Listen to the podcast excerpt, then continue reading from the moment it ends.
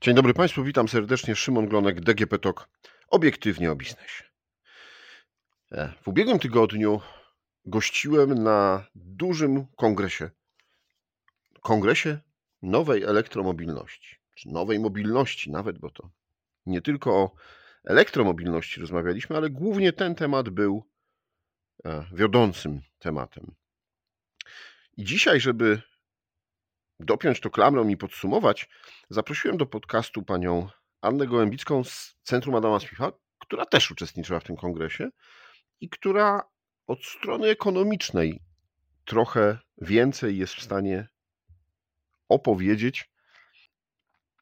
A no to zacznijmy tak, jak to mówią, z grubej rury. To czy elektromobilność to przyszłość?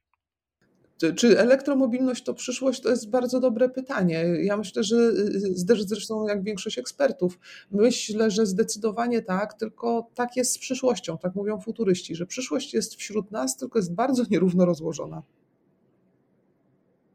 Nierówno rozłożona. E, dlaczego? Dlatego, że technologia, dlatego, że ekonomia, no bo jesteśmy w takim momencie mm, cyklu gospodarczego, że może być trudno, z, tą zmianą, bo to jest ogromna zmiana e, w całym biznesie, ale też w przyzwyczajeniach konsumentów, e, w infrastrukturze. Oj, w ogóle poruszył Pan bardzo wiele tematów, bo poruszył Pan i cykl koniunkturalny, i nawyki, jakie mamy, i stereotypy, w jakich żyjemy. E, jest nierówno rozłożona, dlatego że w niektórych miejscach jest e, i e, więcej środków, i więcej zasobów, i ludzie są bardziej otwarci na innowacje, i są ku temu możliwości, w innych miejscach mniej. Przechodząc do tych cykli koniunkturalnych, to jest właśnie tak z cyklami koniunkturalnymi, że e, mamy kryzys, depresję, ożywienie i rozkwit w cyklu koniunkturalnym. Każdy cykl koniunkturalny zatrzymuje się jakby na wyższym poziomie, czyli przerzuca nas gdzieś, gdzieś dalej. Cykl koniunkturalny jest bardzo dobry, bo on czyści rynek, czyli odpadają ci, którzy byli jakby słabsi, a zostają ci, którzy byli zdecydowanie silniejsi, mocniejsi, którzy mieli efektywniejsze pomysły, którzy e, starali się bardziej. I to jest taki moment właśnie w tym cyklu koniunkturalnym, kiedy nie, powiemy, że mamy kryzys, ale idziemy w kierunku tego kryzysu, że ten rynek się przeformuuje, że ten rynek się całkowicie przeformatuje. I to jest świetny moment na, na, na właśnie takie zmiany takich paradygmatów, tak? czyli z ty, ty, tradycyjnych źródeł na e, elektromobilność. Pewnie zmieni się jeszcze, jeszcze dużo, dużo innych rzeczy, natomiast wbrew pozorom cykl koniunkturalny jest świetny do zmiany. Wszystkie cykle koniunkturalne, wszystkie kryzysy pokazywały, że później społeczeństwo wychodzi z nowinkami innowacyjnymi. No tak, ale jeśli chodzi o koniunkturę i rynek paliwa, no to w latach 70. też był gigantyczny kryzys. E, no i nie doprowadziło to aż do takich zmian odejścia od paliw kopalnych. No tutaj dzisiaj to chyba bardziej jest kwestia mm, dbania o planetę mm, i tego, że po prostu te zasoby się kończą, stają się coraz droższe. No, jakby tu bym polemizowała, tak? bo ten kryzys lat 70. paliwowy, gdzie, gdzie te paliwa wzrosły kilkukrotnie, ceny paliw wzrosły kilkukrotnie, doprowadził do, do zmiany też paradygmatu, ponieważ zaczęto produkować silniki, które były bardziej oszczędne. I to na tamte czasy też, była, te, też był jakiś skok cywilizacyjny bardzo duży. Tak? Czyli pomyśleliśmy w taki prosty sposób. Tak? No, paliwa są drogie, no co trzeba zrobić? Trzeba ich spalać mniej. Nie było jeszcze tej perspektywy, na inne źródła energii. E, w tej chwili jesteśmy w takiej sytuacji, że jedną tam pewnie z kilku rzeczy najbardziej, której obawiamy się w przyszłości, e, to jest właśnie klimat. Tak? I skoro mamy świadomość tych zmian klimatycznych, które mogą nadejść, to myślimy trochę inaczej, czyli przeskakujemy gdzieś indziej. To jest tak mówi się, że twórcy diligensu nie wymyślili kolei, bo oni dodawali kolejnego konia i kolejnego konia do tego powozu i kolejnego konia i mocniejszego konia, tak, żeby jechały szybciej i żeby jechały dalej, ale nie wyszli ze swojej bańki. I, e, a, a my w tym momencie jesteśmy w, taki, w, w takiej chwili, że trochę musimy wyjść, ale też przychodzi nowe pokolenie, które od nas wymusza wyjście z tej, z tej takiej naszej bańki, w której byliśmy. Bo mówią, hej, patrzcie, te, jakby te, te, te źródła energii, wasze tradycyjne, e, węgiel jest, jest drogi i jest nie najlepszy dla środowiska. Tak? E, wasza e, e, złoża, złoża ropy są uzależnione od jakiegoś kraju. Tak? Geopolityka jakby wymusza też inne myślenie. I mówią, no może inne, może zielone źródła energii to jest właśnie przyszłość, którą powinniśmy iść, czyli to nowe pokolenie to są trochę ci twórcy kolei, którzy mówią, że trzeba zmienić i produkty, i firmy, ale że musi no tak, się zmienić ja się też tak myślenie no ludzi. No bo mm, jest taki mem, który trochę pokazuje te obawy co do elektromobilności. E, przerzucamy spaliny, które wychodzą z rury wydechowej diesla czy benzyniaka, popularnie mówiąc, na spaliny, które wychodzą z komina kopalni. Znaczy elektrowni, tak? Na, a kopalnia dostarcza tam węgiel. E, szczególnie w Polsce ten, ten miks elektryczny jest no, nadal, nadal mało zielony. No. Węglowy. Bardzo mało zielony. Ale wie, wie pan co, no to, to, to jest też kwestia z jednej strony tego, tej ochrony środowiska, no bo to są dyskusje między specjalistami w, jakby w tym temacie, co bardziej truje, co mniej truje. Natomiast to jest też jakby ta druga noga, tak? czyli ta druga noga związana z taką e, niezależnością też e, energetyczną. Więc musimy brać te dwa elementy tutaj pod uwagę. Teraz mamy taki moment trochę wojny postu z karnawałem, tak? czyli stare udowadnia, że jednak nie jest takie złe, a nowe próbuje się bronić, więc to jest bardzo w ogóle ciekawy moment w, w historii rozwoju tak, tylko ja myślę, że jest jeszcze takie polskie powiedzenie, gdzie dwóch się bije, tam trzeci korzysta.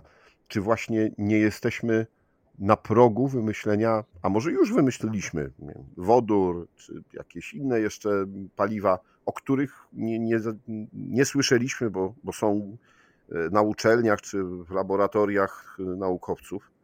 I może one wypchną i jednego, i drugiego.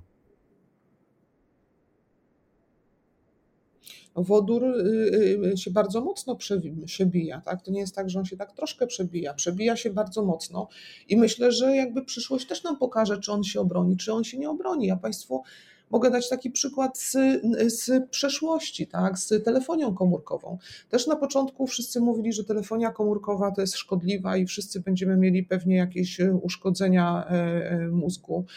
Wszyscy mówili, że to się w ogóle nie rozwinie, bo to jest takie drogie za minutę, że w ogóle to bez sensu, w ogóle nikt nie będzie tyle płacił za to, żeby mieć swój telefon w kieszeni. A jednak okazało się, że jakby potrzeba była na tyle duża, że, że, że jakby ten efekt skali spowodował, że cena spadła i dzisiaj wszyscy rozmawiamy non-stop przez y, telefony. A we wszystkich badaniach ludzie mówili, że, że nie, nie, to jest za drogie i to jest nie dla nich. Druga rzecz z telefonami komórkowymi. Ja przypominam sobie badania, które sama robiłam, konsumenckie, gdzie pytaliśmy o idealny telefon komórkowy w epoce królującej Nokii.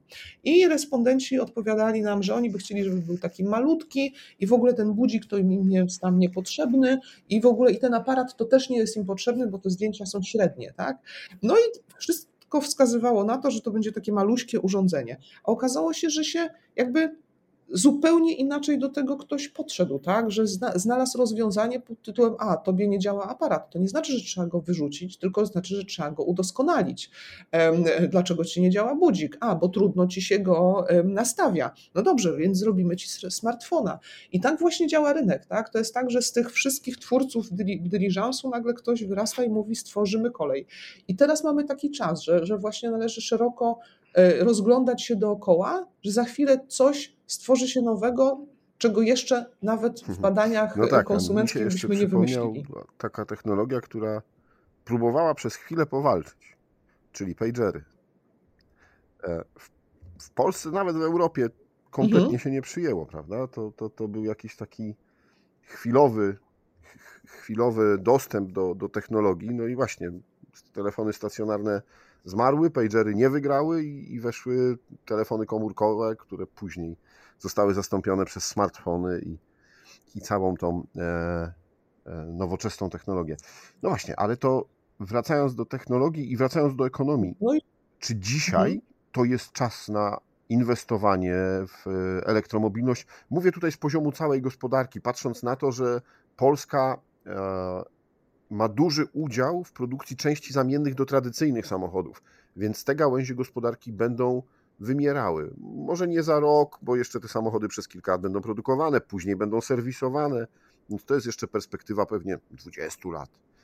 Ale tak czy inaczej, perspektywa 20 lat w gospodarce to wcale nie jest taki e, bardzo odległy termin. I e, dzisiaj już trzeba myśleć o tym, czy inwestować w elektromobilność, w te nowoczesne e, technologie.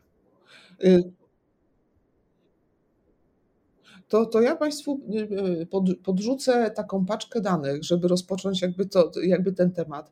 E, w tej chwili branża motoryzacyjna to jest 8% PKB w Polsce. To jest, to jest bardzo dużo. To jest 150 miliardów dochodów. To jest około 10% produkcji przemysłowej. To jest 400 tysięcy osób zatrudnionych i to jest 350 firm, które działają w tym sektorze. Czyli to jest mimo że nie mamy swojej marki samochodów, to jest I ogromny, w to jest przemysł ogromny przemysł. Prawda? No i teraz y, w większości to jest przemysł tradycyjny, ale ten przemysł ulega bardzo, bardzo ładnej i bardzo ciekawej transformacji. I to jest tak, że skoro ten przemysł jest taki jakby dobrze prosperujący, to firmy właśnie z tymi nowymi technologiami widzą w tym, widzą w tym jakiś rodzaj jakby przyszłości, rodzaj biznesu, tak? I też próbują tam wchodzić. I to jest to pytanie. Część firm ona musi zostać z tymi tradycyjnymi częściami, no bo te tradycyjne części będą, a pojawią się nowe albo się transformują stare firmy, e, które jakby będą dostarczać tą, tą nową wartość, tą wartość właśnie opartą na nowych technologiach. A e, jak e, jakie nowe sektory mogą skorzystać na e, tej zmianie. E, no bo e, to jest tak, że, że tutaj no, część firm nie będzie w stanie się szybko przekształcić i łatwo przekształcić. I pewnie po prostu kończąc, nie wiem, produkcję ostatniego, ostatniej rury wydechowej w Polsce, no firma będzie musiała zakończyć działalność ale no są też e, e, nowe obszary, tak? Baterie.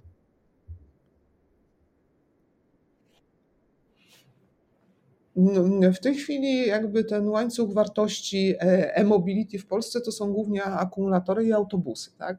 Jeżeli chodzi o przyszłość motoryzacji, to to jest tak, że wielkie koncerny motoryzacyjne już dawno zmieniły swoje myślenie z takiego kategoryzowania się na jesteśmy od y, samochodów, czy jesteśmy od motoryzacji, na, na bardziej myślenie o tym, jesteśmy od przemieszczania się, od zmieniania miejsca A na miejsce B. E, ale w, w tym naszym jakby krajowej przestrzeni mówi się, że ta przyszłość będzie się rozwijała w dwa kierunki.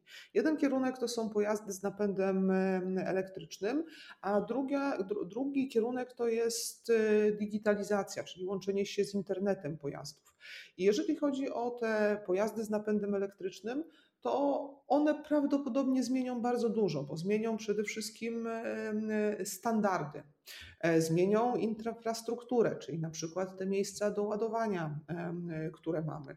Będziemy pewnie ładować w domu, będziemy ładować na parkingach, może będziemy ładować też na stacjach, ale to jakby przyszłość do przewidzenia jest o tyle trudna, że jeden element wywala jakby całą, całą diagnozę. Tak? Nigdy nie wiadomo, co się zdarzy jutro i w którym kierunku e, ten, ten pociąg pojedzie. Następna rzecz, która się zmieni, to cały kolejny ekosystem z dostawami energii. No i wiadomo jest to, że jeżeli mówimy o pojazdach z napędem elektrycznym, e, to na początku ten napęd elektryczny to będą miasta, E, bo tam się po prostu jeździ na mniejsze odległości. To tak jak mówiliśmy o telefonii komórkowej. Inna jest potrzebna częstotliwość w mieście, a inna jest potrzebna częstotliwość, kiedy, kiedy potrzebujemy przemieścić się na, na daleki, gdzieś daleko. No i teraz przechodzę do tej e, digitalizacji. Ta digitalizacja to w ogóle jest takie bardzo mocno futurystyczna opowieść Czyli to są wszystkie te cyfrowe ekosystemy. To jest zmiana łańcucha wartości, czyli inaczej będzie tutaj rozumiany klient, inaczej będzie rozumiany trochę w tym ekosystemie inne miejsce będzie miał e, producent e, części, a jeszcze inne te firmy, które są z tak zwanego sektora e, ICT, czyli ci, którzy gromadzą i przysyłają informacje w formie elektronicznej. Więc na pewno czekają nas bardzo duże zmiany. Tego możemy być pewni, ale w którym kierunku one pójdą, to musimy obserwować. To tutaj przychodzą mi do głowy jeszcze dwa pytania. Pierwsze to jest y, co z y, biznesem e, stacji benzynowych? No bo on jest bardzo mocno powiązany z firmami paliwowymi. W różny sposób działania, to już nie wnikajmy w to.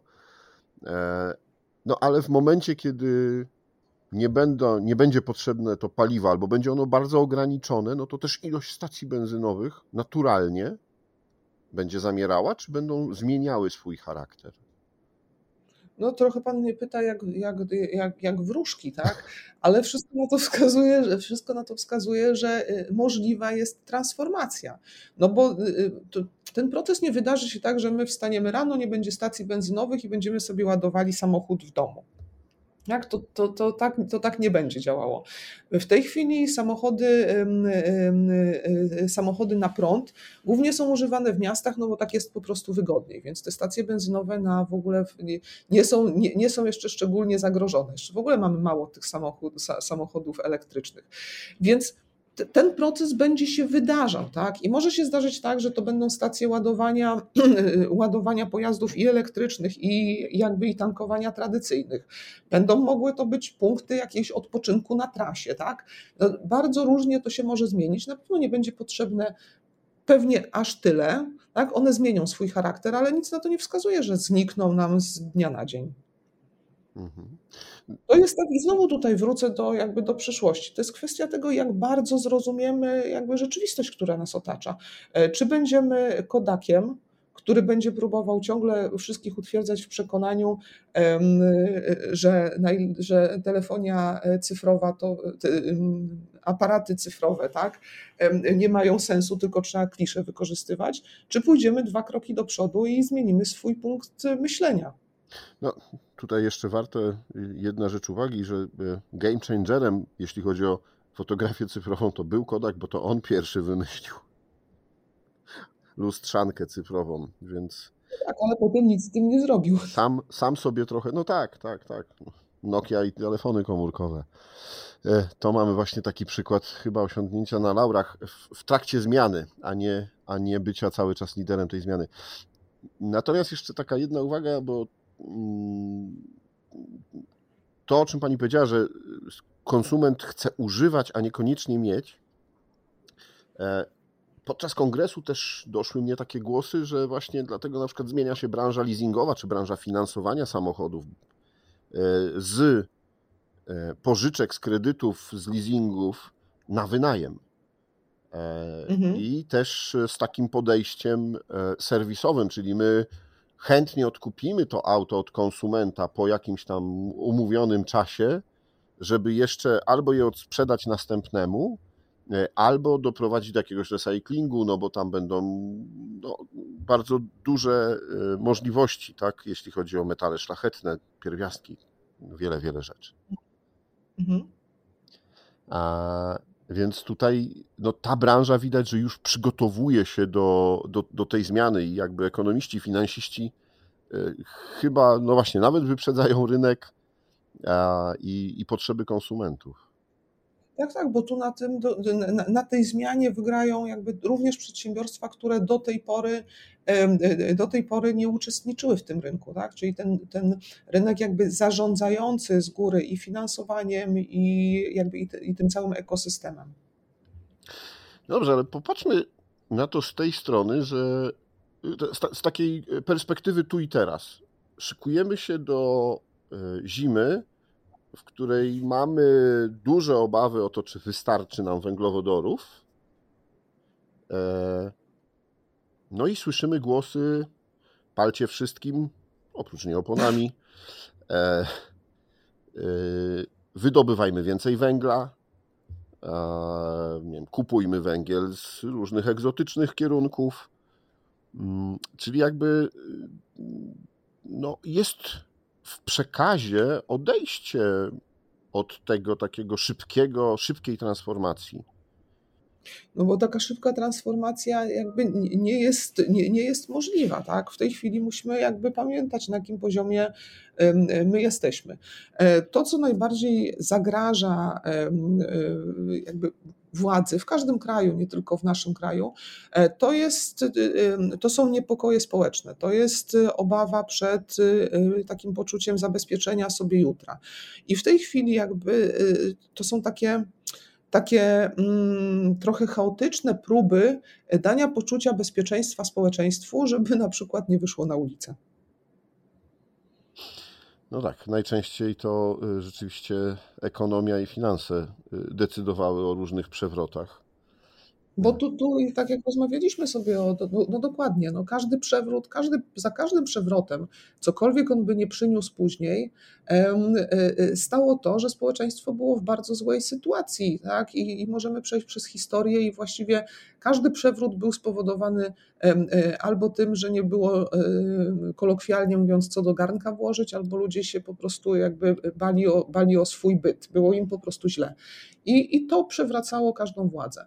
No więc jeżeli się przespało e, albo nawet zahamowało pewnego rodzaju inwestycje infrastrukturalne, które przygotowują nas do, jakby do, do, do, do tego innego spojrzenia na problemy energetyczne, no to teraz trzeba się ratować na szybko, tak? No i to są takie, takie działania. A wbrew pozorom, e, ten moment w cyklu koniunkturalnym, kiedy my jesteśmy, to jest moment, ja w ogóle, ja, ja jestem e, wolnorynkowcem, tak, ale, ale uważam, że interwencjonizm państwa właśnie w takich momentach, mądry interwencjonizm państwa jest niezmiernie potrzebny, bo to jest właśnie taka chwila, kiedy państwo powinno zadbać o infrastrukturę, zainwestować w infrastrukturę, ściągnąć te pieniądze z rynku, które były nadmiarowe i w tej chwili robić rzeczy, które za moment wprowadzą nas suchą nogą do, do, tego nowego, niezależnego i bardziej bezpiecznego energetycznie świata.